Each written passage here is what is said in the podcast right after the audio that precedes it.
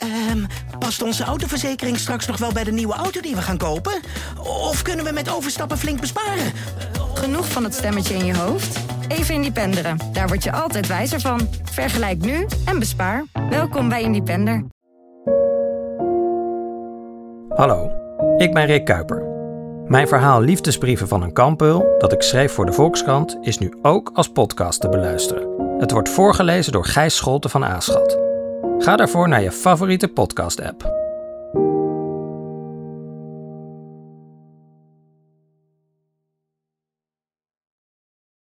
Hallo, mijn naam is Gijs Groenteman. Ik zit niet in de archiefkast op de redactie van de Volkskrant. Ik zit ook niet thuis onder de hoogslaper van mijn dochter. Ik zit aan tafel bij mijn gast.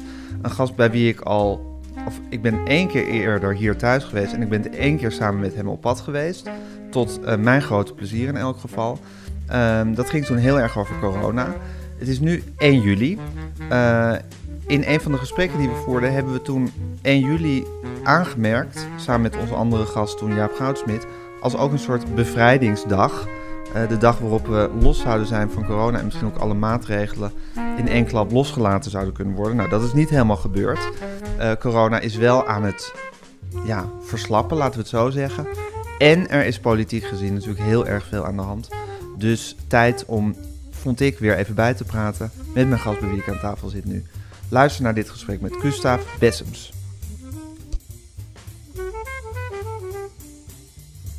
Gustav, we hebben natuurlijk zeker eerder dus gezeten ja. met elkaar in deze podcast. Eén keer hier thuis en één keer, uh, volgens mij twee of drie weken daarna bij Jaap ja, Goudsmit uh, thuis.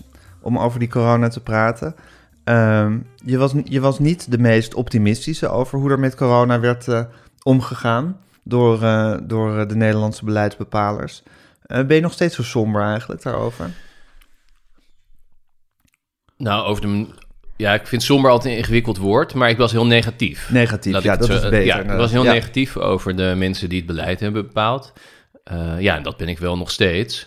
Maar ik was inderdaad niet per se somber, want ik herinner me inderdaad zeker van het laatste gesprek met Jaap, hè, dat hij inderdaad met die suggestie kwam, eigenlijk kunnen we 1 juli met een beetje mazzel uh, ervan af zijn. Um, en daar zitten we natuurlijk wel heel dicht bij in de buurt. We ja. zijn gewoon grotendeels door die vaccins gered. Gered door de dat, wetenschap. Ja, en dat heeft heel weinig te maken met, met Nederlands be beleid of hoe het hier georganiseerd is geweest. Alhoewel ik het wel grappig vind. Uh, maar daar zie je ook een beetje dan aan hoe de drempel verlaagd is. Het kinderlijke geluk als mensen hun prik gaan halen en merken dat dat een beetje loopt. Dus je hoort allemaal mensen zeggen van uh, soepel geregeld, ik kwam en uh, nou, ze wisten meteen uh, dat was. ik een afspraak had. en ja, dit werd logistiek op rolletjes. en dat is, het is natuurlijk heus wel een hele grote operatie. Het is ja. niet vaak dat Nederland zoiets hoeft te organiseren. Maar het is ook weer geen marslanding. Hè? Dus het is, het is mensen oproepen in een bepaalde volgorde. Nou, dan moet je iets met tijd, plaats, uh, bemensing. Ja. En de, het is ook handig als de vaccins aanwezig zijn en, en mensen die die prik uh, kunnen uh, doen. Dus, dus, dus nou ja, dat, dat heeft me ook wel aan het denken gezet. Dat ik dacht, volgens mij zou ik vroeger hebben gedacht dat de normale situatie was. Dat, dat het goed, goed geregeld ging. was. En nu zie je echt van, nou, puikwerk. Ja, maar dat is misschien ook als reactie op sombermans zoals jij... die de hele tijd zeiden dat het een zootje was en een chaos. Nou ja. Speel nu even advocaat van de duivel, hè? Ja, ja. Uh, ja. Zo van mijn, en mijn, tonen van het, het kan heus wel En mijn, en mijn antwoord zou natuurlijk zijn dat het in reactie is op uh, de, alle desillusies van daarvoor, waarbij hele basale dingen niet zo goed geregeld bleken. Ja, ja. Dus uh, er zijn prikstraten, er wordt geprikt. Ja. Er zijn mensen die zich laten prikken. Er zijn ook nog een hele hoop die zich niet laten ja. prikken. Nou, niet zoveel. Niet zoveel, hè? Valt geloof ik wel mee uiteindelijk. Ja. ja.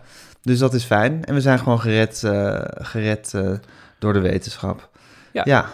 En um, nou ja, goed. De... Maar je moet er dus niet aan denken dat, ze niet, dat die vaccins niet zo snel zouden zijn nee. uh, gekomen. Nee, dat we nog twee of drie jaar in die shit hadden gezeten. Ja. Ja. Wat zou er dan gebeurd zijn? Ik denk, denk dat je? we dan elkaar één voor één onder de bus zouden zijn gaan gooien. dat begon eigenlijk al. Hey, het heeft deze hele periode heeft me ook echt wel aan het denken gezet uh, over hoe er in verschillende landen en dus ook in Nederland tegen ouderen aan wordt gekeken of tegen kwetsbaren, zoals ze uh, zo vaak worden genoemd. Ehm, ik had bijvoorbeeld een beetje het beeld van, eh, eh, er wordt heel lang doorbehandeld of zo in Nederland. Hè? We moeten moet oppassen, we leven allemaal maar langer, is dat allemaal wel nodig? Uh, maar eigenlijk is Nederland best wel een beetje een Scandinavisch land uh, in dit opzicht. Uh, ik wist bijvoorbeeld helemaal niet dat veel mensen voor allerlei behandelingen naar België uitwijken of naar Turkije, omdat ze daar veel langer dingen doen die we hier niet doen. dus ik vond dat in Nederland eigenlijk heel snel al een beetje de sfeer op gang kwam van, ja, moet het, is het allemaal wel nodig voor die paar ouderen en kwetsbaren. Hè, ook van een aantal prominente ouderen zelf uh, ja, kwam dat. Laat mij, laat mij maar gaan, ik hoef niet op de IC. Ja, ja. En, um, en dat is ook best veel gebeurd. Hè? Dus dat, dat heet dan allemaal in goed overleg met de arts. Dat mensen helemaal niet meer naar het ziekenhuis zijn gegaan, niet meer naar de IC zijn gegaan, of dat ze bijvoorbeeld zuurstof thuis kregen. Um, dus ja, ik denk dat die sfeer al heel erg aan het omslaan uh, was. Dat het vrij kort was uh, dat, dat mensen zichzelf beperkingen wilden opleggen daarvoor. Dus ik vermoed dat als het qua vaccins uitzichtloos zou zijn geworden, ja, dat dat steeds makkelijker zou zijn gegaan. Dat er steeds meer zou zijn geaccepteerd van ja, er is gewoon een bepaald aantal mensen die gaat dit niet redden. Ja, en die laten we maar gewoon gaan. Ja. ja. En dan stelde je vorige keer dat we elkaar spraken, bij Jaap was dat nog de de ja, filosofische kwestie eigenlijk, wie heeft er eigenlijk meer recht op doorleven?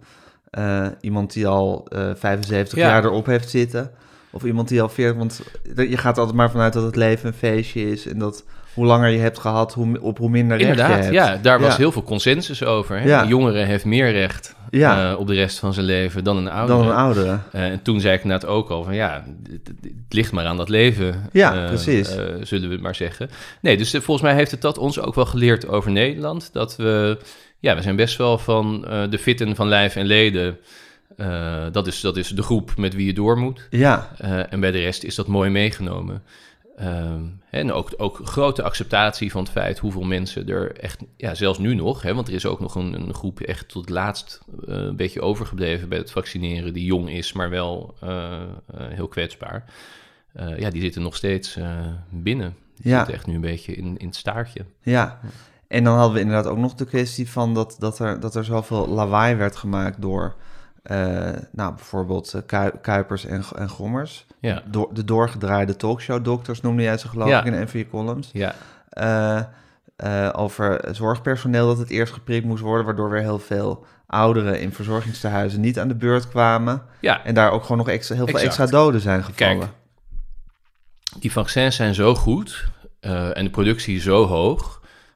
dat het gewoon toch goed ging komen. Ehm, dus, dus ik vond dat zelf ook nooit het allerergste wat er niet goed is gegaan. Die trage start en zo. Dat was natuurlijk vervelend en rommelen. Ja, maar of je een week eerder of later begint met prikken is niet. Ja, nou, het scheelt, hè, want het ja. scheelt weer slachtoffers. Ja. Maar dit ging altijd op een gegeven moment dan wel uh, goed komen.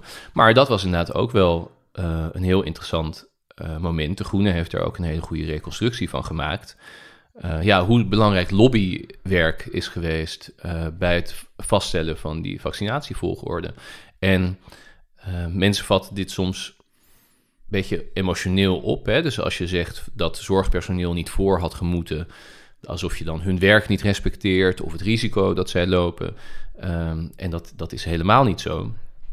Maar ten eerste, uh, het zorgpersoneel werkt zeer beschermd hè, als zij uh, misschien in aanraking komen met COVID-patiënten. Dat is in de wereld daarbuiten niet zo. En de crux was de hele tijd, hoe komen we hier uit? Dat, was, dat is natuurlijk de vraag bij zo'n uh, pandemie. En daarvan, nou ja, de Gezondheidsraad had dat ook gezegd, je, je, komt er het snelste uit als je van oud naar jong gaat ja. en dat eigenlijk redelijk ongecompliceerd houdt. Ja. Dus nou ja, er zijn in het begin nog wel allerlei spaken in die wielen gestoken, maar niet genoeg om het uiteindelijk te verprutsen of zo. Nee, niet te verprutsen, maar er zijn ook wel weer gewoon extra doden gevallen ja. daardoor. Daar had Nieuwsuur toen een vrij schokkende reportage Zeker. over. Maar er zijn natuurlijk sowieso, uh, daar gaat het ontzettend weinig over, uh, terwijl ik dat wel een grote vraag vind. Hoeveel onnodige doden zijn er nou gevallen ja. uh, in de afgelopen anderhalf jaar?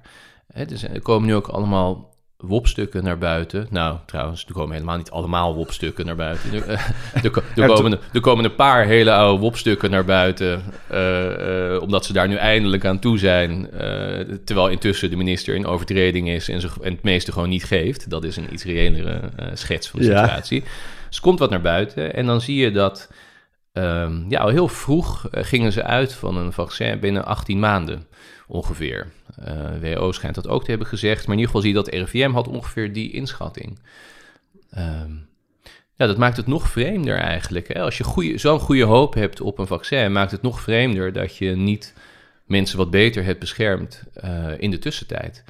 Ehm, maar ook daaruit denk ik, hè, het uitblijven van dat debat eigenlijk, van, van, van had- hadden er meer slachtoffers kunnen worden voorkomen, eh, ja, komt wel iets over eh, ons Nederlanders als volk naar boven. Dat Wat we- dan? nou, dat we dat dus niet zo heel interessant vinden. Of misschien juist te, te moeilijk nog, of te pijnlijk, dat, dat weet ik niet. Eh, maar het is nou niet...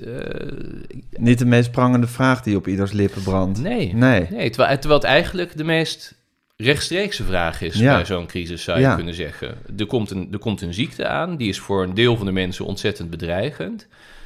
Eh, nou, dan is de vraag, hoe kun je die mensen eh, zo goed mogelijk beschermen... en ook de samenleving als geheel zo goed mogelijk laten functioneren... Ehm, en dat verwaait dan eigenlijk eh, met de tijd. Dus ik weet niet waar we nu precies zitten qua oversterfte. 35.000 of zo. Het zal misschien nog wat bij komen. Ehm, ja, ik ben daar wel benieuwd naar. Hadden er 20.000 Gered mensen kunnen gered worden. kunnen worden? Ja. Dat zou ik nogal wat vinden. Ja, zeker.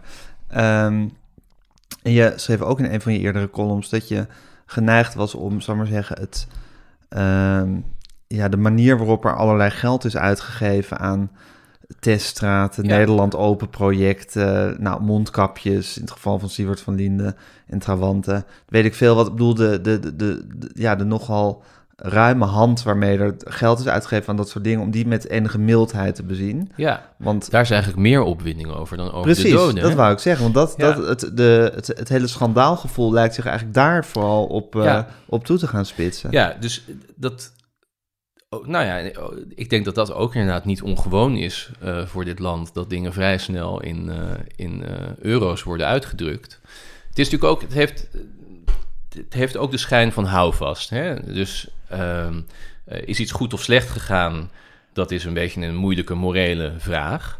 Maar hoeveel heeft het gekost? Ja, Dat is lekker tastbaar. ja. Ehm, en er zijn het- er bonnetjes. ja, Ja, en hetzelfde geldt eh, voor, eh, zijn er regels overtreden? Dat is ook lekker duidelijk. Maar de, hè, ja, even de universele vraag, wat is goed, wat is juist? Dat is natuurlijk veel moeilijker. En, ehm, en, en, en de vraag die ik net stelde over die slachtoffers, dat is natuurlijk ook complex. Want Ja. dan moet je je gaan afvragen, als op dat moment die stap was gezet en toen dat. En dan is het heel verleidelijk om te zeggen, A, we zullen het nooit weten, hè, want er zijn geen alternatieve scenario's. En noem een ander land met minder slachtoffers. En eh, je kunt zo 30 factoren aan het land bedenken waarom het land Mhm. totaal van ons verschilt en we daar niets van kunnen eh, opsteken. Eh, ja, dus het is een soort if-history die heel makkelijk niet is te beantwoorden. ja, Maar ehm, ja, het is je zou ook je best kunnen doen om hem wel te beantwoorden. Zeker, Ja. ja. En, en bijvoorbeeld, hè, want eh, waar ik het toen over... Kijk, Siewert van Linden is, is eh, een geval apart wel... omdat hij eh, en zijn companen... ehm, ja, het is gewoon een zwendel Ja, eigenlijk. Hè? Een smeuig verhaal is ja, het ook. dus, dus in, wat ik daar misschien dan interessant aan vond... is dat er werd gezegd, nou... eh, eh, we concentreren ons heel erg op hem, maar het gaat natuurlijk... hoe kan het ministerie dit eh, hebben toegelaten? Ehm, en ik vind dat, dat vind ik echt onzin. Ik, ik vind het heel normaal dat in zo'n crisis... zo'n ministerie op dit punt heel kwetsbaar is. Dus je, je, het is alle hens aan dek. Er is een enorm tekort aan beschermingsmiddelen. Eh, je doet allemaal dingen die je nog nooit hebt hoeven doen. Dus je bent op je kwetsbaarst. ja. Je bent, je bent in, in Je moet, chaos. in, je moet in paniek op ja, onbekend je bent in chaos, opereren. je bent op onterrein. En je bent met heel veel geld aan het smijten. Dus ik vind dat eigenlijk dat ministerie helemaal niet zo eh, aan te wrijven. De vraag is dan gewoon, en dat heb je altijd in crisissituaties... je hebt altijd aasgieren die denken... ja, dit is een goed moment eh, om mijn slag te slaan. Ja. Waarbij het interessante aan Siewert van Linden is... dat hij dat ook nog heeft gecombineerd... dat was natuurlijk ook instrumenteel daaraan... eh, met een soort verhaal naar Ja. de buitenwereld... van ik ben ook nog eens eh, de redder van Ja. het land... helemaal Uit onbezoldigd. goedertierendheid. Ja. ja. En dat, dat, dat was functioneel in zijn zwendel. Eh, want, want daarmee, door aan de ene kant zichzelf zo als een soort ridder te presenteren... en aan de andere kant heel veel kritiek te hebben op dat ministerie wat zo in de shit zat... ja, daar, dat heeft hij gebruikt om daartussen uh, te komen. Maar ja, ik denk dat in zo'n situatie zul je altijd... Uh, Zendelaars hebben. Ja, die daar, die daar misbruik van Ja. maken. En dan vind ik het een soort victim blaming om te zeggen... hadden ze maar moeten opletten. Ja, het enige wonderlijke is natuurlijk dat er heel veel aanbiedingen blijkt nu voor, voor allerlei mondkapjesdeals waren in die tijd. Dat je kan afvragen waarom heeft hij, juist hij Zeker. die opdracht gekregen. Nee, dus, dus er moet Daar wel... kan natuurlijk wel nog een soort zweem van vriendjespolitiek Corruptie, of ja. gunnen corruptie in ja, zitten. nee, dus dat moet heel, Ja. nog heel goed uitgezocht eh, worden. Dat is waar. Ja. Ja. Maar, goed, dat er in, in die chaos dat soort fouten worden gemaakt, of tenminste dingen niet helemaal... eh, of dus te veel geld wordt uitgegeven. Kijk, eh, ehm, je had op een gegeven moment zo'n rapport van de Rekenkamer. Die kritiek vond ik ook nog wel terecht, omdat hij zich juist niet alleen maar toespitste op die coronacrisis. Het is meer dat aan het licht kwam eh, dat er al twintig jaar bij het ministerie van Volksgezondheid eigenlijk wordt gezegd: waar blijft al het geld? We kunnen dat niet Mhm. zien. Dus ze hebben Precies. waarschuwing op waarschuwing op Ja. waarschuwing gehad en dat werd nu heel manifest. Ja. Dus dat vind ik ook terecht. Maar eh, bijvoorbeeld dat testen voor toegang. Ging heel veel geld eh, naartoe en, eh, en de- de- er stonden hallen leeg. En dat werd dan ook een schandaal. Nou, sowieso, nu zijn er ineens weer rijen. eh, want ja, nu is de boel open. Maar dat vind ik nou een voorbeeld van dat je nog niet helemaal weet hoe het gaat lopen. Hè? Ja. Je hoopt dat die vaccins fantastisch aanslaan. maar misschien valt dat tegen. En misschien heb je andere manieren nodig. Oh, imperfecte manieren, zeker. ja, Uh, maar om toch. de samenleving toch te Ja. openen. Um, dus eigenlijk juist precies wat ik op allerlei vlakken heb gemist. Overreactie voor Ja. het geval dat. Ja, dat vond ik daar toch een voorbeeld van. ja, je kan be- better safe than sorry in dit, eh, Ja, in dit dus, geval. dus ik hoop eigenlijk niet uh, dat de belangrijkste manier van deze crisis evalueren nu wordt... waar hebben we nou precies wel of niet een euro te veel aan uitgegeven? Ja, maar nu je het toch zoveel hebt over Nederland en wat we hebben geleerd over Nederland en hoe Nederlanders Mhm. zijn. Ik weet niet precies hoe dat allemaal over de grenzen gaat. Nee. Maar is de kans toch best wel groot dat dat, dat, dat het punt van focus zal worden? Nou, een van de. Ik maak, me, ik, ik, ik maak me best zorgen over wat er überhaupt aankomt aan evaluaties van die crisis. Ik denk eigenlijk dat dat de eerste tijd heel weinig zal Ja, voorstellen. ik hoop toch tenminste een parlementaire enquête Jawel, met Adje dat- Kuiken. Ja.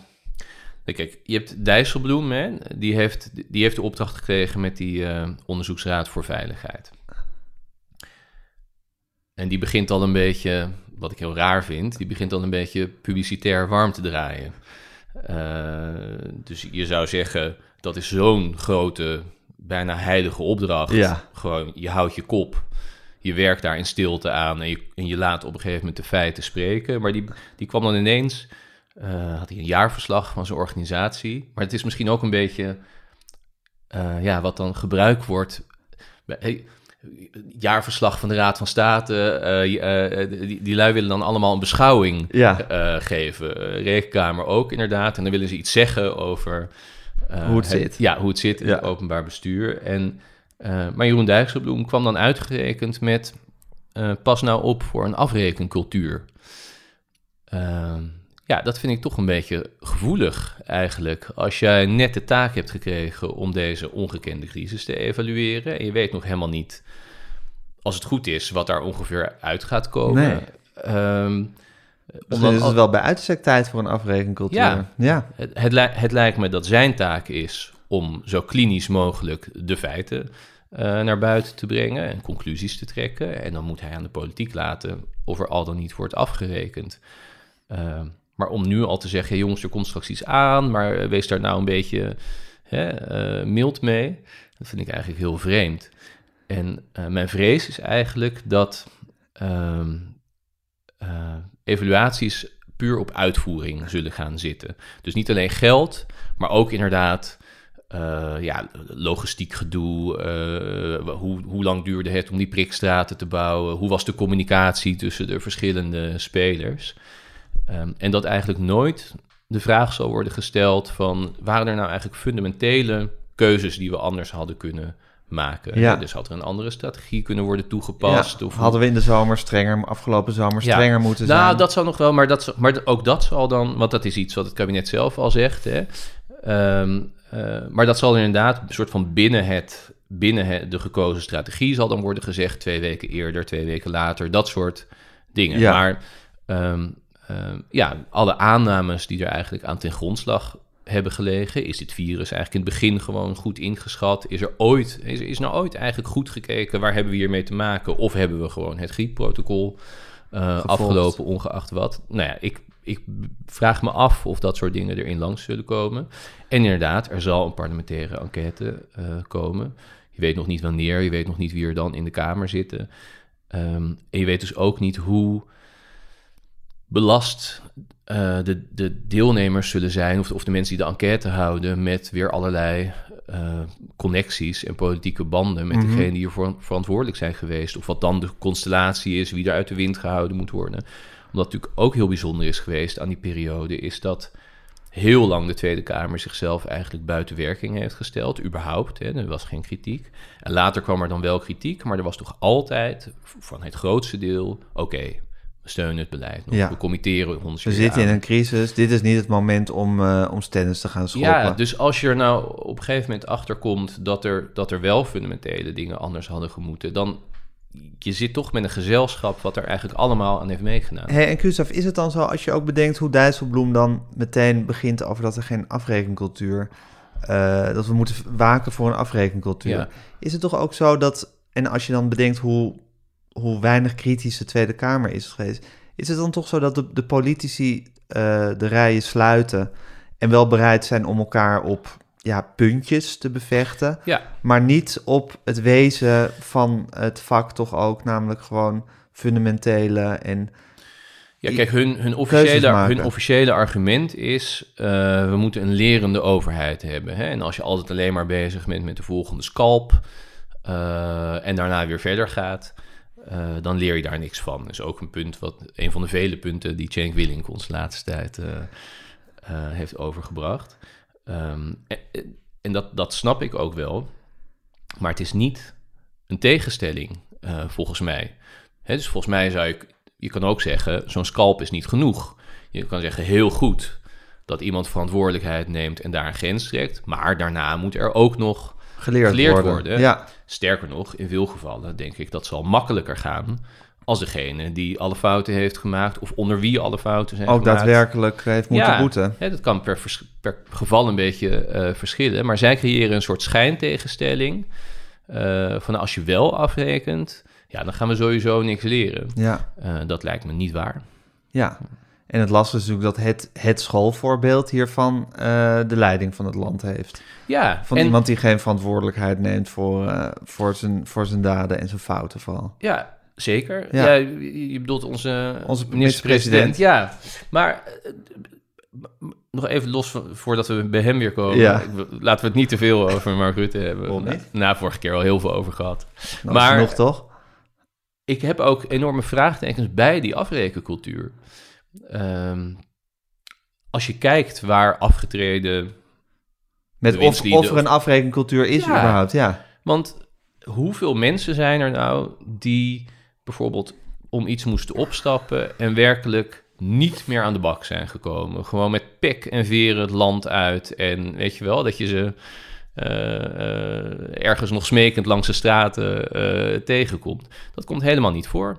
Is altijd wel weer een positie, Ja. vaak nog binnen het openbaar bestuur zelf, zo niet dan in iets aanverwants of desnoods in een lobbyorganisatie. Dus in het allerergste geval ben je je ministerspost kwijt.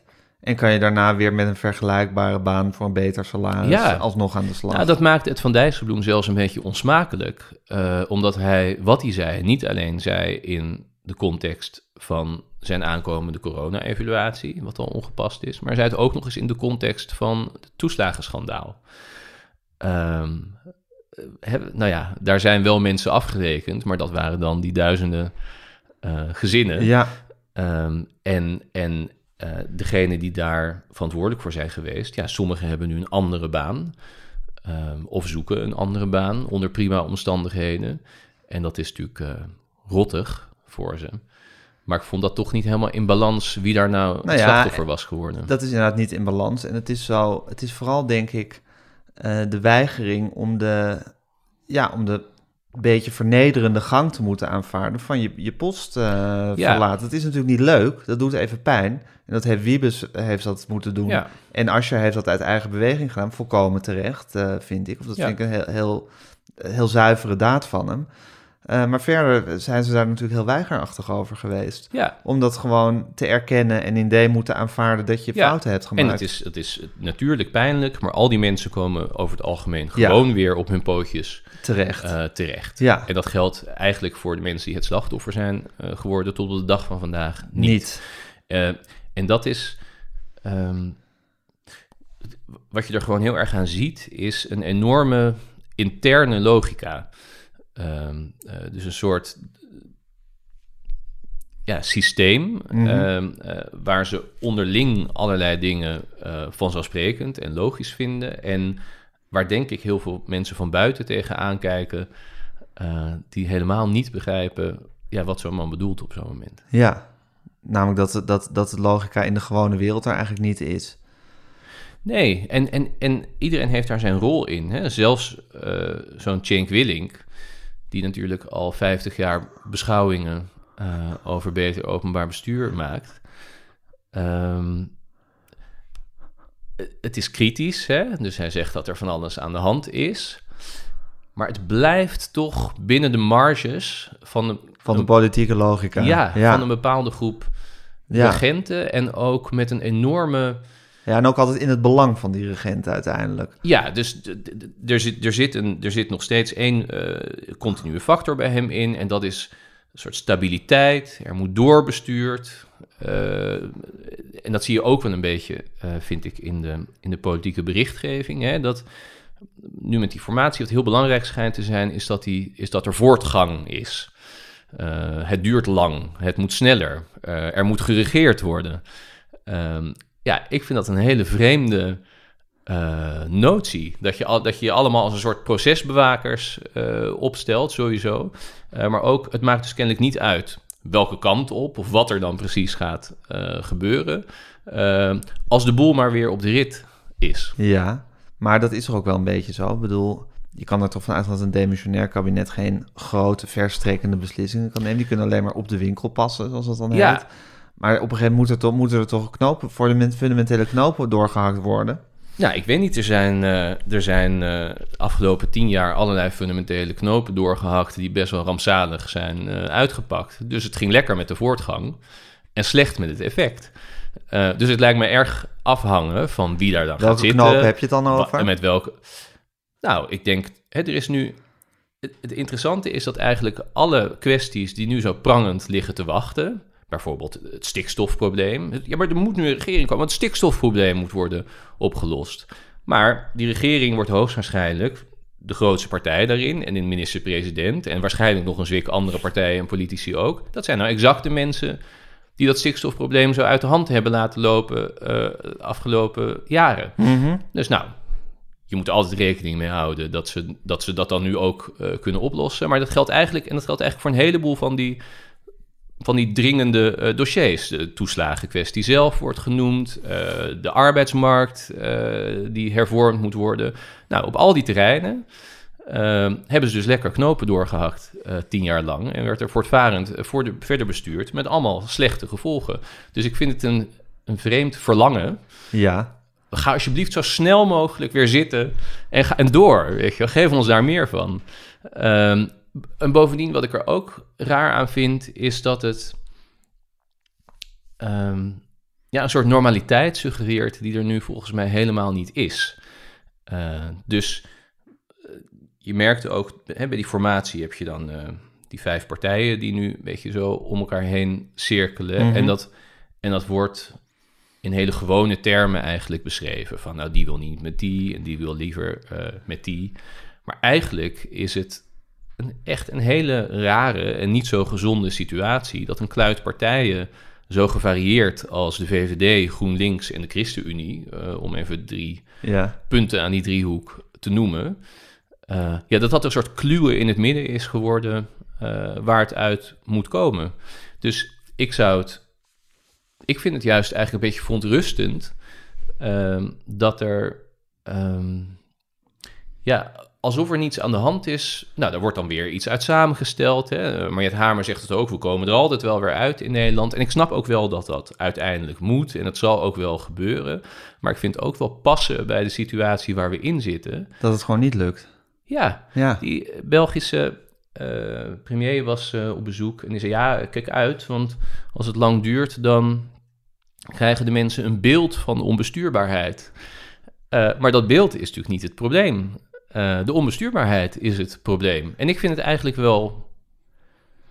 Het is niet dat ik een soort grote ineenstorting wil. Hè, want, nee, nee, nee. Want dat, ik weet dat dat voor niemand goed eindigt.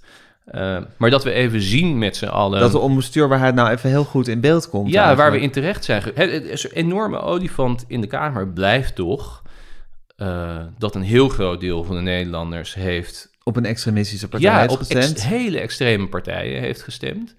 Ehm daar werd toen eerst naar die verkiezingen nog een beetje van gedaan van, nou ja, god, dat is een soort, dat is een soort 20% en die, die heb je altijd sinds Fortuin. Nou, dat, dat is natuurlijk veel rabiater geworden eh, in die afgelopen jaren. Dus het is niet alsof dat dezelfde 20% is. Ehm, Je bedoelt dat hun, dat hun eh, opvattingen rabiater zijn geworden. hun opvattingen Ja. en dus ook de opvattingen Pim Fortuyn mensen... was een softie vergeleken ja, als je nu gaat wordt. kijken... Ja, eh, denk je wat- van geef wat- me Fortuyn. wat die zegt godsnaam. vergeleken met, met, met Wilders, eh, Baudet, maar dat hele conglomeraat, hè, eh, natuurlijk Van Haga met een afsplitsing, maar ook, Denk. ja, denk, maar ook Eertmans, daarvan moeten we nu opeens doen alsof dat een soort redelijk alternatief is. Maar die heeft zich nog aangemeld bij Baudet in oktober. Hè? Toen is hij nog vier op de lijst gaan staan daar. Toen waren al die, al die racistische drek was al naar buiten gekomen. Ik bedoel, begrijp sowieso niet jaren, hè, Baudet was jaren geleden was hij al van ons maatschappelijk lichaam wat geïnfecteerd is van buiten met krachten en vijanden in ons eigen uniform. Dus volgens mij iedereen met enig eh, historisch en maatschappelijk besef en gezond verstand. Gaan alle alarmbellen al rinkelen. Dan, ja, daar maar niet. Ja. Eh, misschien zelf iets oprichten. Maar Ja. goed, Joost Eertmans dacht in oktober nog... dit is een frisse club. eh, Daar wil ik om- bij. Ja, daar wil ik bij Ja. horen. En nu moeten we geloof ik nou, doen alsof, alsof dat een heel gematigd partijtje is. Maar goed, dus dat is allemaal aan de hand. Maar ook andere afsplitsingen die op zich wel netjes zijn, zou ik maar zeggen. Hè? Dus eh, Caroline eh, van der Plas met het boerenbelang. waarom dat, dat niet in het CDA heeft gepast... of dat Sylvana Simons met bijeen niet in een linkse partij is opgekomen... maar dat dat ook allemaal maar afsplitst... dat zijn allemaal tekenen van een behoorlijke eh, crisis... En dan heb je ook nog dat hè, die, die extreemrechtspartijen die worden terecht buitengesloten. Want je kunt niet, ja, je moet niet een partij die zo de rechtsstaat wil ondermijnen toelaten in het landsbestuur. Maar een verschrikkelijk gevolg daarvan is dus dat al die stemmers daarop eh, ja, ook uitgesloten zijn van rechtstreekse eh, regeringsinvloed. Ja. En dat is wel heel erg. Dus, dus aan alle kanten kraakt het, valt het uit elkaar. Ehm, eh, en dan, ja, dan zou ik het heel gek vinden als, als er naar... Als die formatie binnen een maandje rond was, Ja, jongens, we zijn weer alles is weer in bestuurbaar. orde. Ja. Ja. knopen doorhakken. Ja, dus die impasse in de formatie is gewoon een teken van de, de impasse waarin het bestuur eigenlijk zit. Of waarin de democratie eigenlijk zit, zou je kunnen Ja, zeggen. en, en, en, dat, en dat bestuur reflecteert eh, wat er onder de bevolking gebeurt. Hè? Dat is het, dat is, het- dus ik vind het erg dat er eh, grote groepen mensen van elkaar wegdrijven. En eh, je ziet ook in, in veel onderzoeken, of het nou gaat over ehm, eh, ja, ehm, gelijkheid qua inkomen en vermogen, maar laatst bijvoorbeeld ook eh, vertrouwen in de media. Hè? Dat, dat, dat haalt het nieuws als dat gaat vooruit. Maar bijna, bij bijna al die cijfers zie je dat als je dan vervolgens induikt, dat de verschillen eh, groter worden. Dus per saldo zijn er dan bijvoorbeeld meer mensen die de media vertrouwen, maar de groep die de media niet vertrouwt, vertrouwt het ook steeds meer niet. Ja, Ehm, ja, daar moet toch iets mee eh, gebeuren. Mensen moeten wel eh, erbij betrokken worden en, en, en weer opgehaald worden, als het ware. ja. ja, ik zit te denken als je zegt van dat, dat, dat groepen van elkaar wegdrijven, hoe dat dan precies is. Maar dat is dus eigenlijk dat iedereen zich steeds meer in zijn eigen mening ingraaft En eigenlijk weinig oog meer heeft voor een soort gemeenschappelijkheid. Of een soort idee dat, dat we er toch samen uit moeten komen of zoiets. Of, Nou, en zich niet, kennelijk niet eh, vertegenwoordigd weten. Ehm, en dat is. Dus, dus dat, die, die kluit. Ze worden, hè, dat is ook al maf dat ze middenpartijen worden genoemd, eigenlijk. Want, want ja, ooit zou je dat bijvoorbeeld van GroenLinks of de ChristenUnie helemaal niet nee. hebben gezegd. De Partij van de Arbeid en de VVD, dat waren verre uitersten Ja. in mijn jonge Dus, jaren. dus het feit dat dat nu een soort amorfe middengroep, middengroep is is geworden. geworden, waarbij ook... Niemand zich ook echt thuis voelt, volgens mij. Nee, en, en dan wordt er ook de hele tijd gezegd... ja, de inhoud is bij deze mensen het probleem niet. Dat vind ik ook heel raar.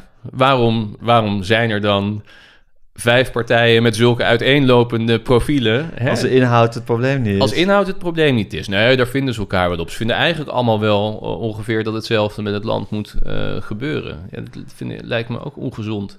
En het, het, het, blijkt ook, eh, overigens... dus, dus wat je bijvoorbeeld al heel lang ziet uit kiezersonderzoek naar kiezersonderzoek... is dat de grootste groep in Nederland is een beetje links en conservatief.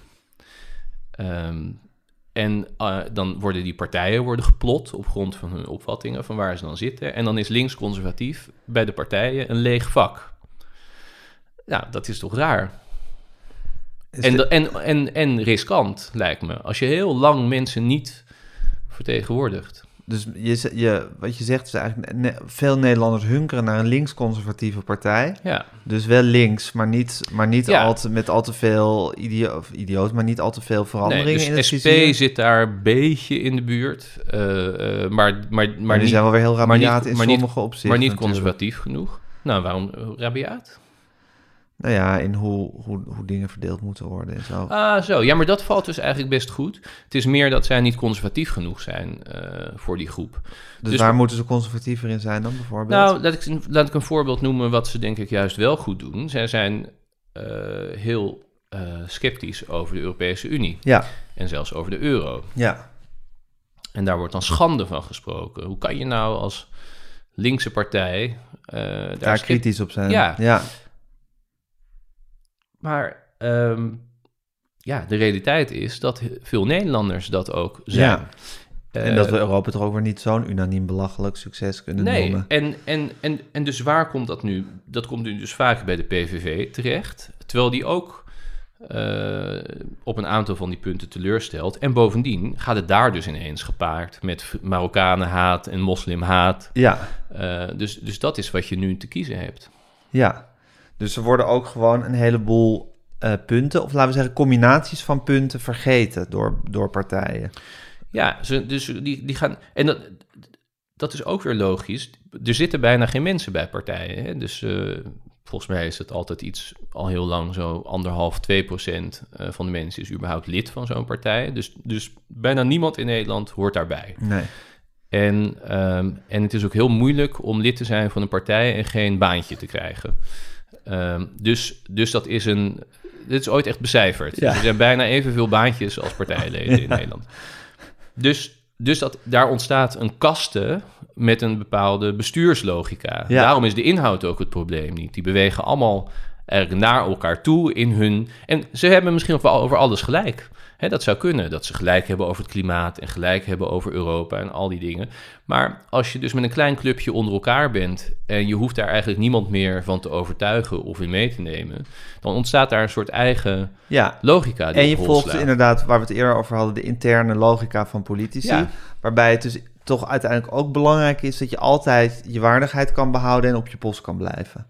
Dat is op een of andere manier toch ook een soort diepe politieke wordt- drang. Dat wordt doel op zich. Dat wordt doel op zich. Ja. En dat wordt ook begrepen door Waardoor al iemand als Dijsselbloem, die dan net op het punt staat om een kritisch rapport Ja. eh, te moeten gaan schrijven, dan bij voorhand al zegt, maar we moeten niet gaan afrekenen. Ja, Ja, uiteindelijk zit er toch een, een soort diepe beschermingsbehoefte in. Maar je hebt dus eigenlijk die, die, die grote middenpartijen, noem ik het, waarvan het dus al wonderlijk is dat het überhaupt middenpartijen Ja. zijn geworden, eh, die eigenlijk geen natuurlijke basis meer hebben. Nee. Of geen Nee, die worden niet meer gevoed eh, van hè, dat, wat, wat je natuurlijk vroeger. Kijk, vroeger eh, wordt ook weer geïdealiseerd met de verzuiling, want het was natuurlijk ook vrij top-down. Maar goed, heel veel mensen waren er lid van. Dus er was toch een soort gevoel eh, bij die achterban. En nu is een achterban, dat is een, dat is een grote groep mensen die in een korte periode bij de verkiezingen zo snel mogelijk moet mobiliseren. Die kunnen alle kanten opschieten, maar die moet je naar jou uh, toe krijgen. Ja. Nou, dus, dat, dus dat is een kwestie van even in die verkiezingen een paar hele rake thema's kiezen of de juiste publiciteit. Uh, heel, heel kort eigenlijk. Ja. De, de, periode dat politici zich inspannen uh, uh, om mensen bij zichzelf te betrekken is heel kort. En daarna gaat het knopen doorhakken verder. Ja. Het probleem is volgens mij vrij duidelijk. Maar wat zou eigenlijk de oplossing zijn? Ik bedoel, wat is... Wat is... Ik probeer, me, ik probeer me mensen te herinneren die hier die hebben, daadwerkelijk hebben geprobeerd om dit op te lossen. Ik herinner me Felix Rottenberg, die ooit bij de Partij van de Arbeid Ja. naar zich op zoek was naar mensen gewoon uit het veld, zoals het heet. Rob Oudkerk, zeg maar, om in de Kamer te gaan zitten. En Ja. niet dus inderdaad alleen maar de, de, de, de baantjescarousel te laten draaien. Maar verder zou ik eigenlijk niet zo goed weten. Nou, en je ziet dus ook hoe. Ik denk wel dat dat moet. Hè? En, ik, denk- en ik, denk, ik, ik denk dat. Partijen zou, vinden het nu denk ik ook heel lastig om meer leden te hebben die zich met alles gaan bemoeien. Dus het zou toch fijn zijn als ze discipline hebben om zich daar wel voor in te spannen. Ehm, om leden te werven. ja, ik denk dat het heel goed zou zijn als mensen lid zouden worden. Maar je ziet Ja, de ook. meest hoe- succesvolle partij van de afgelopen jaren is natuurlijk een partij zonder leden. Ehm, Tenminste, met de PVV bedoel je, ja. ja. Maar bij Forum zag je dat die als een dolle leden konden trekken. Ja, Eh, daar is op een gegeven moment groei weer doorgekomen, omdat zij heel snel meer leden krijgen. Ehm, maar je ziet dat die, eh, ja, die, die, die cultuur, die stoot nu juist iedereen uit die enigszins afwijkt. Hè? Natuurlijk nu met omzicht daar een heel Treffend eh, voorbeeld pregnant van. voorbeeld van. Ja. Ook omdat het... Ja, je moet hier altijd bij zeggen, geloof ik, want anders word je niet, niet geaccepteerd. Moet je altijd zeggen van niet heilig verklaren of eh, ook omzicht maakt fouten. Dus dat, dus dat heb ik dan nu gezegd. en het is ook heus een moeilijke man. Precies, Ja. ja. want anders dan, dan tel je niet mee als Ja. verstandig. Ehm, maar ehm, als je kijkt naar hem, dan is het iemand die zit heel lang in de Kamer. Hij is een van de langzittende Kamerleden. Eigenlijk heeft hij zich ten aanzien van het CDA hondstrouw opgesteld. En iemand die nou Al die eigen kracht altijd in die kamer is ja, dus, gebleven. hoeft, dus elke keer, maar elke keer werd hij weer uitgekotst. Hè? Ja, dan werd hij, weer, werd hij weer op een lage plek lijst. gezet. En Ja. ehm, ehm, je ziet dat hij mobiliserend werkt. Breed ook. Dat ook allerlei mensen die, die juist dat vertrouwen missen in de politiek, dat vertrouwen In hem in hem stellen. Ja, En het werkt tegen hem. Eh, dus hoe meer dat gebeurt, hoe meer hij eigenlijk als een probleem wordt eh, gezien. Want als je nou hoort wat inderdaad ehm, ja, de, de dingen zijn die hij dan heeft misdaan, waarom hij zo moeilijk was om mee te werken, ja, dan klinkt het ja, een, beetje een, hoek, een beetje een hoekige man misschien. Hè? Het is, ik vind het moeilijk aan te wijzen wat hij nou eh, hoe onmogelijk hij het nou anderen heeft gemaakt. Eh, maar je moet natuurlijk ook, ook wat tekenen. Je moet het de hele tijd destilleren uit stukken waarin die mensen anoniem hun eh, beklag doen. ja. En eh, nou, het is niet mis, hè, want ik las in de Telegraaf dat ze echt zelfs hadden moeten huilen ervan, van wat Pieter Omzicht ze allemaal had eh, aangedaan. Ja, dus ik vind dat een heel goed voorbeeld van hoe... Hoe je kan geëxcommuniceerd kan worden als je niet helemaal in de pas loopt. Ja, en Terwijl je echt, zou denken, kijk, ik kan me nog voorstellen dat ze zeggen van nou, hij was, geen, hij was misschien geen partijleider geweest, want hij misschien geen diplomaat is. En je als partijleider misschien toch ook een beetje diplomaat moet zijn, in ieder geval zo'n fractie gewoon moet managen. ja, dat is ook een interessante. Is dat ook, is dat ook wel hellend vlak om dat te denken? Nou, het is niet helemaal tak, maar het is interessant waarom dat zo is.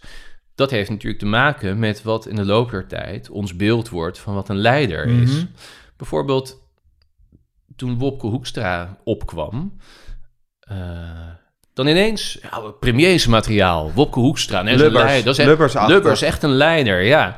En toen vroeg ik ook wel eens van, eh, ja, waarom eigenlijk? Of wat, wat, wat is er dan met Wopke Hoekstra dat, dat, hè, bedoel, met, dat je er meteen een kwart land aan wil toevertrouwen. Hè? Dus niet, eh, niet eens voorzichtig opbouwen of zo, maar zo'n zo'n zo'n McKinsey-partner komt via de Eerste Kamer aanwandelen. En, die, en dat heeft natuurlijk gewoon te maken met, met, met het, zijn ja, hoe hij is. Hij Ja. is eh oud prezes eh, van Minerva, geloof ik. En hij heeft een pak aan. Hij praat op een bepaalde manier. En dat beantwoordt dus kennelijk eh, aan het beeld dat wij nog steeds hebben van hoe een, Een leider, leider. eruit ziet.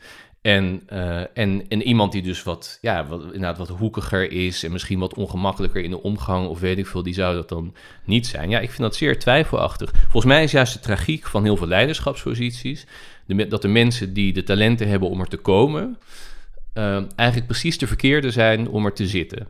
En de mensen waarvan het goed zou zijn als ze er zitten, hebben vaak niet de dingen die je nodig hebt om er te komen. Even kijken, dit moet je nog een keer herhalen. Dus de mensen die er... Nou, kijk, wie, wie, worden er, wie komen er op leiderschapsposities? Dat zijn mensen die ten eerste ontzettend graag willen. Die willen heel graag op die Ja. positie komen. Nou, dat is eigenlijk al niet best. Nee, Eh, dat je- zegt al iets over je... ja, dat is al niet goed. Want dan heb je eigenlijk al motieven erbij eh, die wat onzuiver zijn. Het beste leider is een leider, vind ik, tegen wil en dank. Iemand die zegt, nou, ik zie wel hoe vreselijk het is om dit te doen, maar ik vind het zo belangrijk, ga het Ja, toch maar ik doen. doe het maar, ik die wil je eigenlijk ja. Maar het zijn dus altijd mensen die het heel graag willen.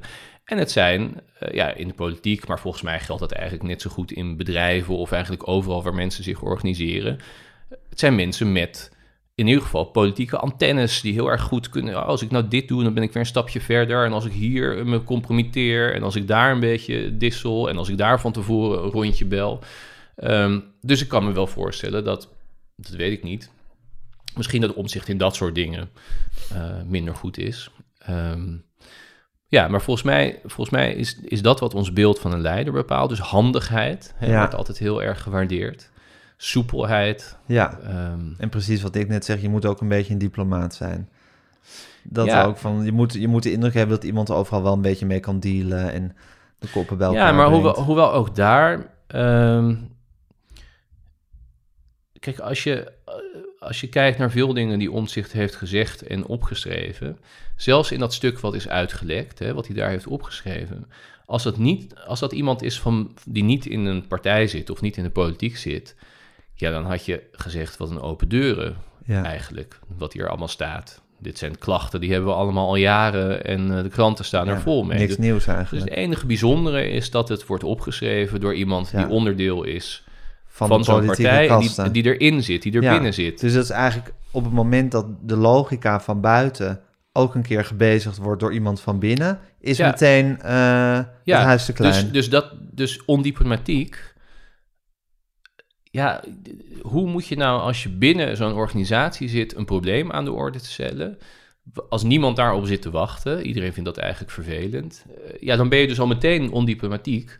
Zodra je dat, zodra je dat echt wilt veranderen. En Ja. dat is, ik denk dat er een sfeer is ontstaan. Ik denk dat CDA daar niet bijzonder in is. Ik denk dat dat in de meeste van die partijen zo is.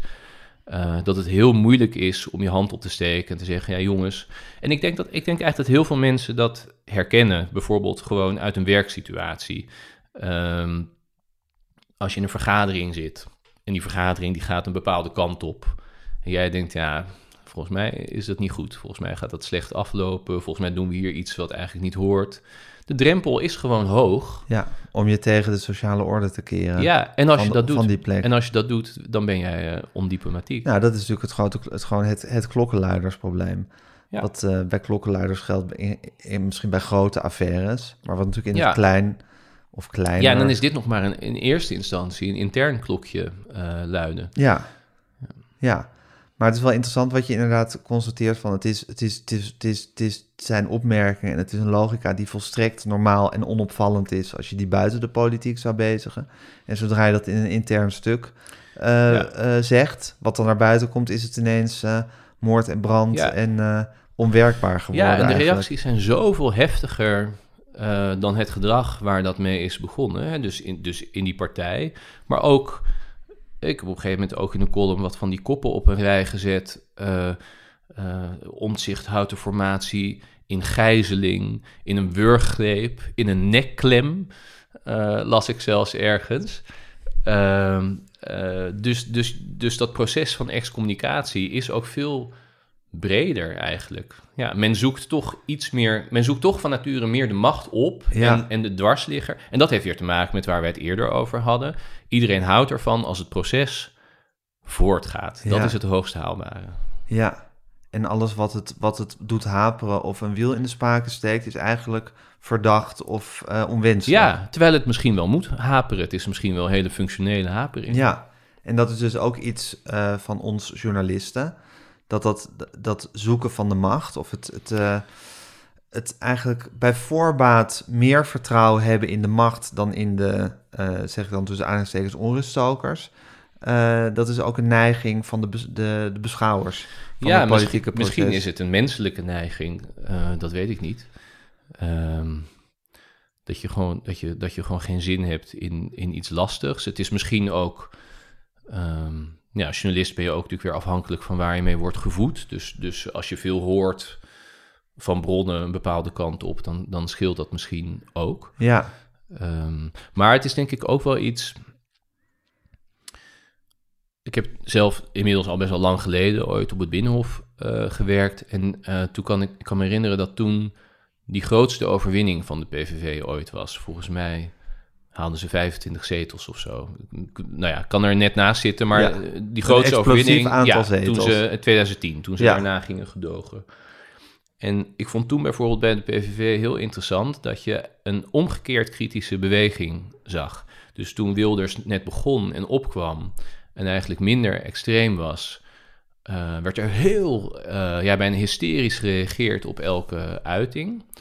Maar naarmate hij groter werd eh, en eigenlijk machtiger, ehm, en hij zelf ook nog eens extremer. Dus je zou zeggen, hé, hey, er zijn allemaal factoren om extra kritisch te zijn. Want, want hij wordt en extremer en machtiger. Dus nu, nu komt de controlerende taak in zicht, zou je zeggen.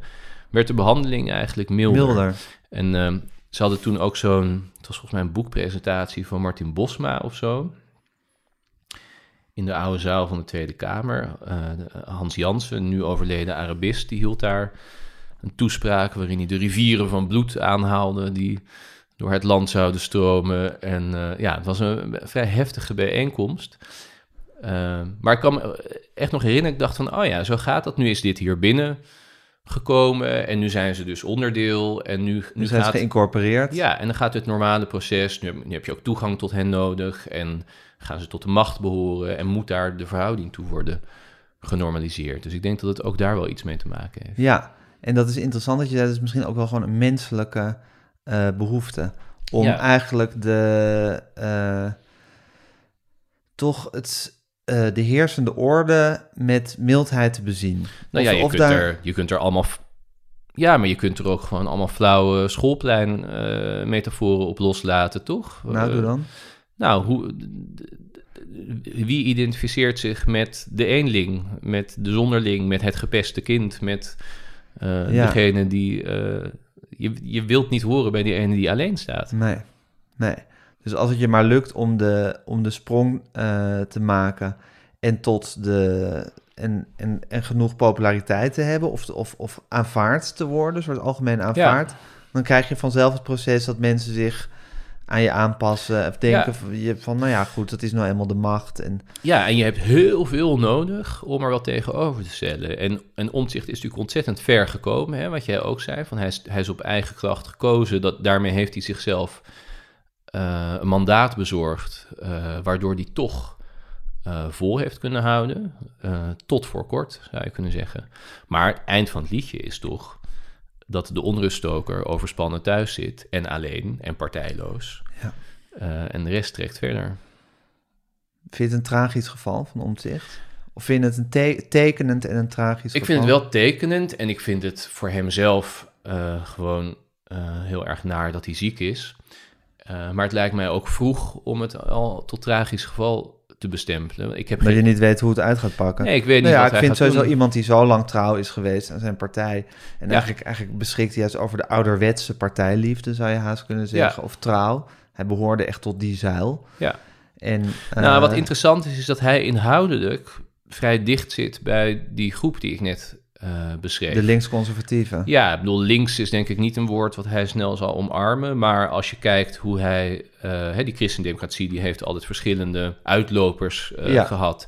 En daar zit hij wel degelijk aan de kant die toch een hoop harde kanten van het kapitalisme af wil veilen. En hij is ook een beetje een culturele conservatief. Dus dus als hij zou besluiten eh, om daar iets op poten te zetten, dan zou dat best heel interessant kunnen zijn. En hij is natuurlijk ook wel echt iemand anders dan een heleboel andere eh, ja, mensen die politiek experiment zijn, eh, zijn, zijn begonnen. Ehm, maar het is, ja, er zijn zoveel onzekere factoren. Hoeveel tijd hij daarvoor krijgt, of die, of die snel genoeg beter is, dat weet, ik- dat Ja. weet je natuurlijk niet. Hey, en Gustav, denk je niet dat sowieso die hele crisis die je beschrijft, dat het ook gewoon een, een soort, laten we zeggen, een soort conjunctuur in populisme is, eh, waar we nou helemaal altijd mee te maken hebben? Daar heb ik wel eens het idee dat er gewoon eens in de zoveel decennia mensen gewoon eh, hun onderbuik willen laten spreken. En dat het gewoon even gedaan is met, eh, met de redelijkheid. En waar, en, en waar plaats jij dan de vorige piek in de conjunctuur? In de jaren dertig van de vorige eeuw. Oh ja, oké, ja. Ja, precies. Niet, niet bij Boer Koekoek. Of, eh, Nee, want dat is toch nog altijd... Kijk, er zijn natuurlijk altijd een paar mensen Nee, die... nee, dus die, daarom- eh, nee, maar ja. dat, het, dat, het echt, dat het echt groot en breed gedragen wordt... dat mensen eh, geen enkel vertrouwen meer hebben in de redelijkheid... of in, in, in de heersende klasse zoals we hem kenden... en gewoon mensen willen die namens hen uit hun onderbuik spreken. ja, misschien. Nou ja, nu lijkt het in elk geval voor een, voor een minderheid, want dat is het natuurlijk nog steeds wel te gelden. Ja, maar het is natuurlijk ook een internationaal iets. Zeker. Ja. ja. Ja, maar ik vind het wel defetistisch om, want, eh, want als dat zo is, dan, hè, dan zou je bijna zeggen van, we moeten even over de piek heen eh, en dan zal het straks weer beter gaan. Ehm, terwijl ik zelf dus wel het idee heb dat er allerlei dingen eh, te doen zijn. Dat mensen, dat mensen op allerlei manieren aanspreekbaar zijn of benaderbaar zijn. Eh, voor, het, voor een groot deel. Hè? Dus eh, er is misschien een klein segment. Ja, wat, wat, omdat het nu ook zo samengaat met dat hele complotdenken. Mhm. Dus er zal misschien een klein segment zal daar zo in zijn weggedreven dat het heel ingewikkeld wordt om die, die er nog bij bereiken. te Ik bedoel, halen. Je hoort, hè, je, er zijn splitsingen binnen families, binnen relaties, eh, waarbij dat niet eens meer lukt. Dus, dus ja, als, als, als jij eigen vader of echtgenoot eh, al niet meer eh, kunt pruimen omdat hij niet doorheeft welke chips er allemaal in ons worden geplaatst, dan zal je misschien van de nieuwe links-conservatieve partij van Pieter Omtzigt ook niet onder de indruk zijn. Ehm, maar ik denk dat er ook toch veel mensen zijn ehm, ja, die een gebrek aan vertegenwoordiging voelen, die een gebrek aan basale eerlijkheid eh, ervaren, Ja, die ergens, die, die, die niet alle ins en outs volgen, maar aan hun water voelen dat er van alles niet klopt en daar eigenlijk misschien wel gelijk in hebben. En, en waarbij je niet hoeft te zeggen, nou ja, het We zijn gaan weer- meteen rabiaat... eh, nee, en we gaan weer even diezelfde heuvel over. Ja, eh, en het woord basale eerlijkheid is dan misschien wel een sleutelwoord. Het zijn twee Ja. woorden, maar sleutelbegrip. Ja, niet zo'n mooi sleutelbegrip. Niet zo'n mooi Dus nu, sleutelbegrip. je- nu je het hiertoe bombardeert, ja, zou ik hebben gewild dat ik het anders had genoemd. ja, maar ik vind basale eerlijkheid Nou, ook iets... ik, denk wel dat het. Eh, ja, dat wordt dan ook heel snel populistisch en zo gevonden. Maar ik denk wel dat het waar is dat gewoon de ervaring is van heel veel mensen die een regel overtreden, die in contact komen met de overheid, die iets gedaan willen krijgen, eh, toch het idee hebben dat ze door heel veel hoepeltjes moeten springen als ze iets nodig hebben. En heel snel gepakt, gecorrigeerd of gesanctioneerd worden als ze een fout maken. En dat ze tegelijkertijd zien dat dat voor anderen Ja, het is niet in veel grotere kwesties Ja, niet geldt. ja. Ehm, en dat werkt denk ik heel ondermijnend. Hè? Dus eh, eh, het aloude ga boeven vangen, ja. eh, wat je kunt voelen bij een bekeuring of zo. Ik denk dat dat wel, ja, ik heb dat zelf ook wel. Ja, dat je denkt, moet, ik nou de maat, moet mij de maat genomen worden door mensen Ja, die moet- zichzelf op geen enkele manier zuiver moet houden? de maat worden eh, eh, genomen. Maar ook ehm, ja, als ik iets probeer te regelen bij de gemeente bijvoorbeeld, dan nog niet eens zozeer, nou gewoon de moeilijkheid ervan al. Als ik denk van, eh, en dan ik ben hoog opgeleid, mijn werk is om dingen uit te zoeken. Ik, ik, ik heb ervaring in het doorgronden van eh, lastige stukken. En ik moet me inspannen, jongen, om, om, Om een vergunning te krijgen voor een dakterras, Ja, zeg maar wat. ja. ja. En, en dan denk ik heel vaak, eh, zonder hè, daar denigrerend over te doen. Maar toch, hoe moet iemand met wat minder, die wat minder geëquipeerd is, Ja. dit ooit voor elkaar krijgen? En wat als het niet gaat over een luxe product zoals een dakterras, Ja. maar als het gewoon gaat over je moeten kunnen redden. Hè? Dus inderdaad. eh, Een uitkering of ja, een, of een, extra geld voor een wasmachine Ja. of weet ik veel. Ja. Dat, dat moet zo ongelooflijk moeilijk en hard werken zijn, zijn. en frustrerend. ja. En als je dan inderdaad ehm, eh, ja, beelden langs krijgt over de Siewert van Lienens van de wereld, maar ook inderdaad mensen die met veel fouten weg. En dan komt er ook nog eens iemand waarschuwen eh, voor een afrekencultuur. Ja, volgens mij zit daar gewoon iets ontzettend scheef. Het, het idee ehm, dat als je bij de overheid werkt, dat je daar een bijzondere opdracht hebt, dat je, dat je ehm, eh, er zit uiteindelijk dankzij, namens en voor die bevolking. Ehm, nou, dat zal ongetwijfeld bij heel veel individuele mensen er nog steeds zijn. Maar ik denk dat het ook voor de mensen die er werken heel moeilijk wordt. Eh, Als je, ik best veel mensen gesproken de laatste tijd die dan op departementen werken of eh, in dat soort omgevingen. En die praten over die omgevingen bijna als een, eh, ja, als een gegijzelde situatie. Hè? Van, van ja, maar alles is hier verpolitiekt. Alles staat in het teken van de beeldvorming. Wordt de minister hier slechter of beter van? Eh, kunnen we, zijn we hierop te pakken? Ehm, eh, dus, dus het oorspronkelijke nut is volgens mij gewoon heel vaak ver weggedreven. Ja, dat is, maar is dat dan niet wat Dijsselbloem dan bedoelde met die afrekencultuur? Nou, eh, als hij dat bedoelde, dan heeft hij dat niet goed op die manier uitgelegd. Want wat hij zei is eh, dat hij het bijvoorbeeld niet netjes vond dat bepaalde topambtenaren over de tong waren gegaan in de Tweede Kamer. Ja, dat waren overigens geheel toevallig. eh, was dat ook zijn eigen topambtenaar op het ministerie van Financiën, waar hij jaren mee had samengewerkt. Dus dat, maar dat zal vast Toeval heel- geweest zijn. Toeval zijn Ja. geweest. Ehm, dus nee, dat vond ik niet zo goed. Dat vond ik dan niet zo goed uitgelegd, want dat zijn nou juist de mensen aan de top die heel erg verantwoordelijk zijn Ja. geweest voor deze cultuur. Ehm, dus ik denk, maar ik denk dat in de regionen daaronder, of weet eigenlijk dat in de regionen daaronder heel veel mensen daar natuurlijk ontzettend van balen ja, gewoon midden- en onderkader dat wel zijn werk wil doen. ja. En op wie jij heel kritisch was ook is Cenk Willink. Eh, we hebben hem hier al eventjes besproken.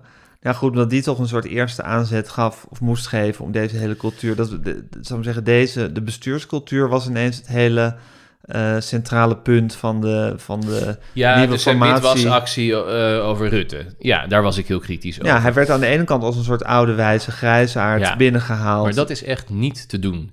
Hè, hij zat, hij zat eh, laatste buitenhof was hij te gast. En dan zei hij iets, nou ja, wat op zich waar is hoor. Maar wat zei hij nou? Oh ja, hij zei, ehm, eh, je weet niet waar je naartoe moet als je niet weet waar je vandaan bent gekomen. Het bedoelde dat we moesten leren uit het verleden. Nou, ik heb er niks op tegen, ik zal het niet tegenspreken. En toen zei het van Huis, zo, dat is al de eerste parel van wijsheid. En ik, nou, ik heb het met Sinterklaas vergeleken. Als Cenk Willink ergens Ja. opkomt, dan hij wordt een beetje als de goedheilig man met zijn grote dikke boek. Nou, meneer Cenk Willink, wat fijn dat u er bent en zo. En hij, hij geniet daar ook zichtbaar van. Ehm, en ik denk ook relatief heeft hij, ja, heeft relatief veel slimme dingen eh, opgeschreven. Met heel veel dingen is verder helemaal niks mis. Mhm. Maar hier, nou ja, waar we het eerder over hadden, hè, van hoe ziet een leider eruit? Hè, dus Wopke Hoekstra. Ja. Zo heb je ook een soort beeld, eh, hoewel het later wel is afgebladderd, maar ooit had bijvoorbeeld Piet Hein Donner had hetzelfde effect op mensen, of Ernst Hirschbalin. ja, of Eberhard van der Laan had dat ook in zijn laatste jaren.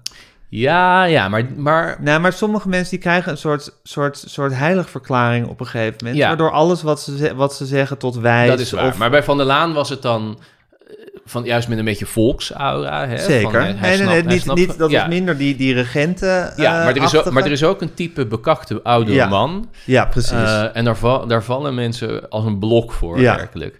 Ehm, nou, wat Cenk Willink deed, heeft er inderdaad een beetje ook mee te maken, ehm, is meteen al het specifieke eruit halen. Hè? Dus, dus het probleem wat er toen was, dat is nu al bijna weer in de vergetelheid eh, geraakt. Eh, dat was dat Rutte had omzicht besproken in een van zijn allereerste gesprekken over de formatie. Dus het, was nog niet eens uit de startblokken. Eh, maar laten we in elk geval beginnen met dit kritische Kamerlid. Wat zullen we daar eens mee doen? Eh, daarmee geconfronteerd had hij glashard gelogen dat hij de naam Omtzigt nooit had besproken. Betrapt op zijn leugen eh, loog hij weer. Kunnen we toch wel veilig aannemen dat het aan zijn slechte geheugen had eh, gelegen. Dus dat was er gebeurd. Ehm, en ehm, eh, nou ja, later kreeg je ook nog die, die, die notulen, hè, waaruit ook nog bleek dat het in het kabinet was besproken. Ehm, en nu werd Cenk Willink erbij gehaald. Voor wie ineens het belangrijkste punt werd dat, je, dat het probleem was de bestuurscultuur die moest worden verbeterd. En ja, daar kon je niet één man voor verantwoordelijk maken. Dat hing echt niet alleen maar aan premier Rutte. Ja, Iedereen, eigenlijk ook iedereen die hem aan het bekritiseren was, had ermee te maken. En we moesten nu samen onze schouders onder het verbeteren van deze bestuurscultuur zetten. Waarmee het, eigenlijk het hele oorspronkelijke probleem, waarmee het was begonnen, onder een soort brei brei van algemeenheid was Ja, geschoven. ja. ja. En, en dat is eigenlijk een patroon wat je tot nu toe nog steeds ziet. Hè? Want eh Cenk Winning zei ook bij Buitenhof van... eh, ja, er wordt zo ontzettend weinig met de inhoud gedaan van onze adviezen, van de informateurs. Eh, dus dat was dan zijn eigen eh, stuk en het nog veel grotere stuk van Mariette Hamer. Maar eigenlijk, als je die stukken leest, is ook allemaal brei. Dus we zitten nog steeds in het stadium van... in het, in het belang van de stabiliteit, van het verder regeren... Ja, het proces. Moeten er pijnlijke zaken worden bedekt Ja, met bestuurlijk politieke brei? En dat lukt maar niet. Dat, is in die zin, dat vind ik misschien ook bevredigend aan het feit dat het lang duurt, die formatie. Normaal lukt het eerder om alles te bedekken. te bedekken. Onder een stroom van Ja, woorden die ja. eigenlijk gevaarloos zijn. En nu duurt, kost het wat meer moeite. Het zal lukken. Er zal een regering komen. Eh, ze zullen op het bordes staan. Maar dat het even wat meer moeite kost voordat dat allemaal weer eh, Ja. vlak gemaakt is. ja, Eh, dat vind ik eigenlijk wel bevredigend. ja, de schijn van onbestuurbaarheid. Nee, Ja. onbestuurbaarheid. ja. Ja. Of kijk, wat, had hij gezegd? De Belgische Ja, het beeld. Het beeld van onbestuurbaarheid. Daar moest je- daar moest je voor Daar moest je waken. voor waken. Ja. Ja, Eh, Ook omdat kiezers misschien ook wel een beetje mogen schrikken eh, van het effect ehm, van hun eigen gedrag. Hè? Dus ehm, je kunt natuurlijk iets, iets nihilistisch krijgen, inderdaad. En maar proteststemmen en maar proteststemmen.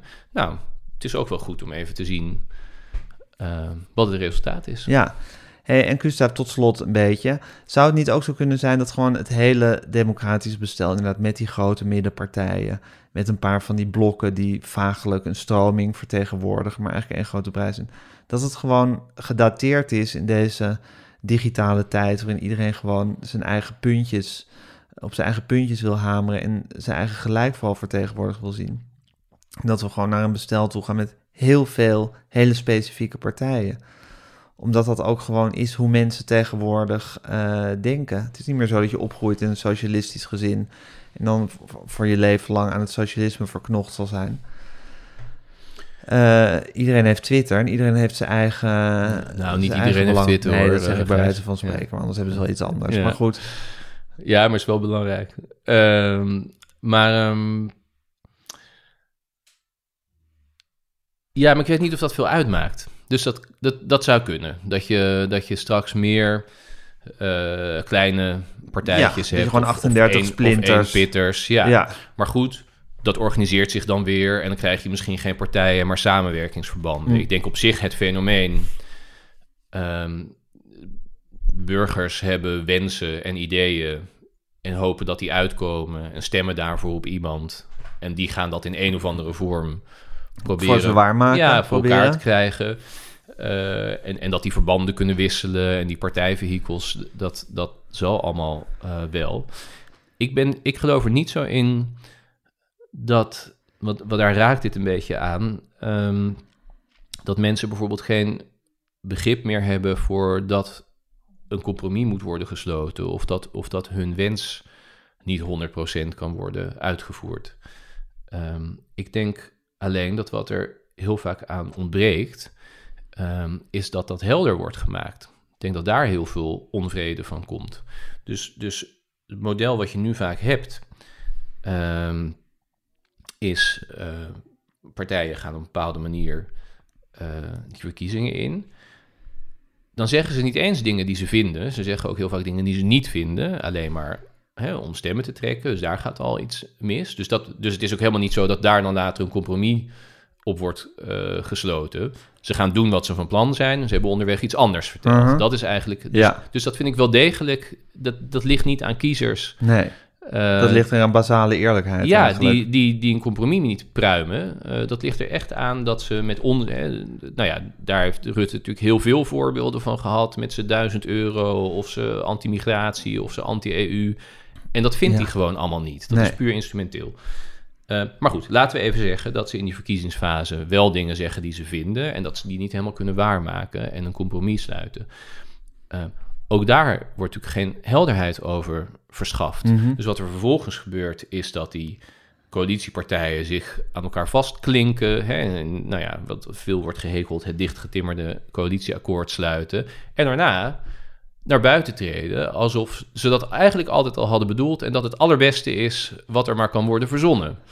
Nou, dat is buitengewoon vreemd Ja. en ongeloofwaardig. Ja, En, dat, en ondermijnt. Eh, het idee wat de kiezers hadden. Ja, Ja. Het, vertrou- of het vertrouwen wat de kiezers hadden. Ja, en bedoel, niet 100% hoor. Je, ik denk dat bijvoorbeeld eh eh, Samson in die combinatie met de VVD wel een hele hoop uitlegde en dat daar gewoon het probleem was. Ehm, ja, dat het gewoon zo ver afstond van wat mensen wilden, dat dat niet uit te leggen Viel, was. ja. En nou, iemand als Gert-Jan Zegers is natuurlijk ook... Ja, die worstelt regelmatig in het openbaar Ja. met wat hij eigenlijk bedoeld had en wat er van terecht is gekomen. Ja, zoals jij schreef, eh, voor, het, voor eh, de crisis zou het in principe ook iets, niet iets per se hoeven zijn waar je altijd maar mee worstelt, maar waar je ook gewoon af en toe eens aan kan houden. Ja, bij hem Ja. Is, dat, is dat wel heel Evident. demonstratief Ja. geworden. Ja. Lastig, hè, Gustav? Waar het heen moet. Ja. ja, heel lastig.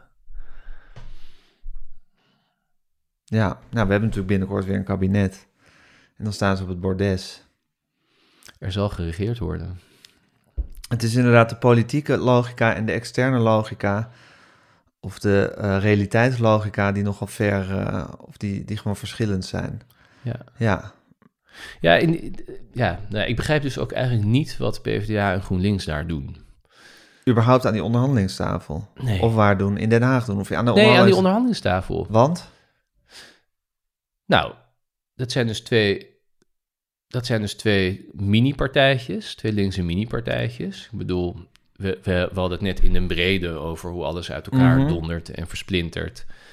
Ehm, maar eh, als je je blik even naar de linkerzijde wendt, is de ravage daar natuurlijk ongelooflijk.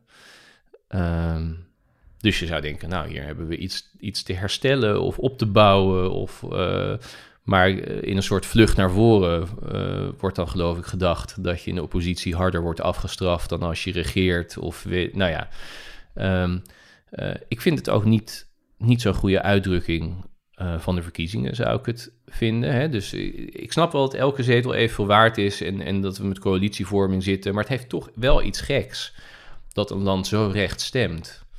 Eh, en dat er dan iets zou komen wat zwaar naar links overhelt. Zou Ja. je ook moeten afvragen van wat Of is dat daar juist nou... is? Wat is daar nou straks het effect van? Dus je hebt al, je hebt al een hele grote groep kiezers die op extremisten stemt en, en met geen mogelijkheid kan worden vertegenwoordigd in de regering. En in reactie daarop ga je dan in, een, in, die, in die amorfe club met ook nog heel erg links eh, regeren. Dus dat vind ik ook heel raar. Dus ehm, ik bedoel, er, zijn Nou, niet dat veel... is ook met, met grote te daar, v- vandaar ook de, de moeizame formatie. Omdat het natuurlijk met grote tegenzin van de VVD en het CDA is. Ja, Om maar dan- zij zelf willen ineens heel graag. Zij zijn verontwaardigd ehm, dat er niet eh, ten volop met hen wordt eh, onderhandeld. Ja, ik begrijp het niet. Kijk, er zijn niet veel goede eh, mogelijkheden. En het zal waarschijnlijk dan uitdraaien op verlenging van wat er nu zit aan het eind ervan.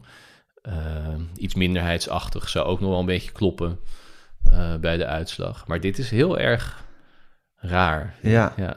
ja het klopt niet. Het Nee. klopt getalsmatig misschien wel.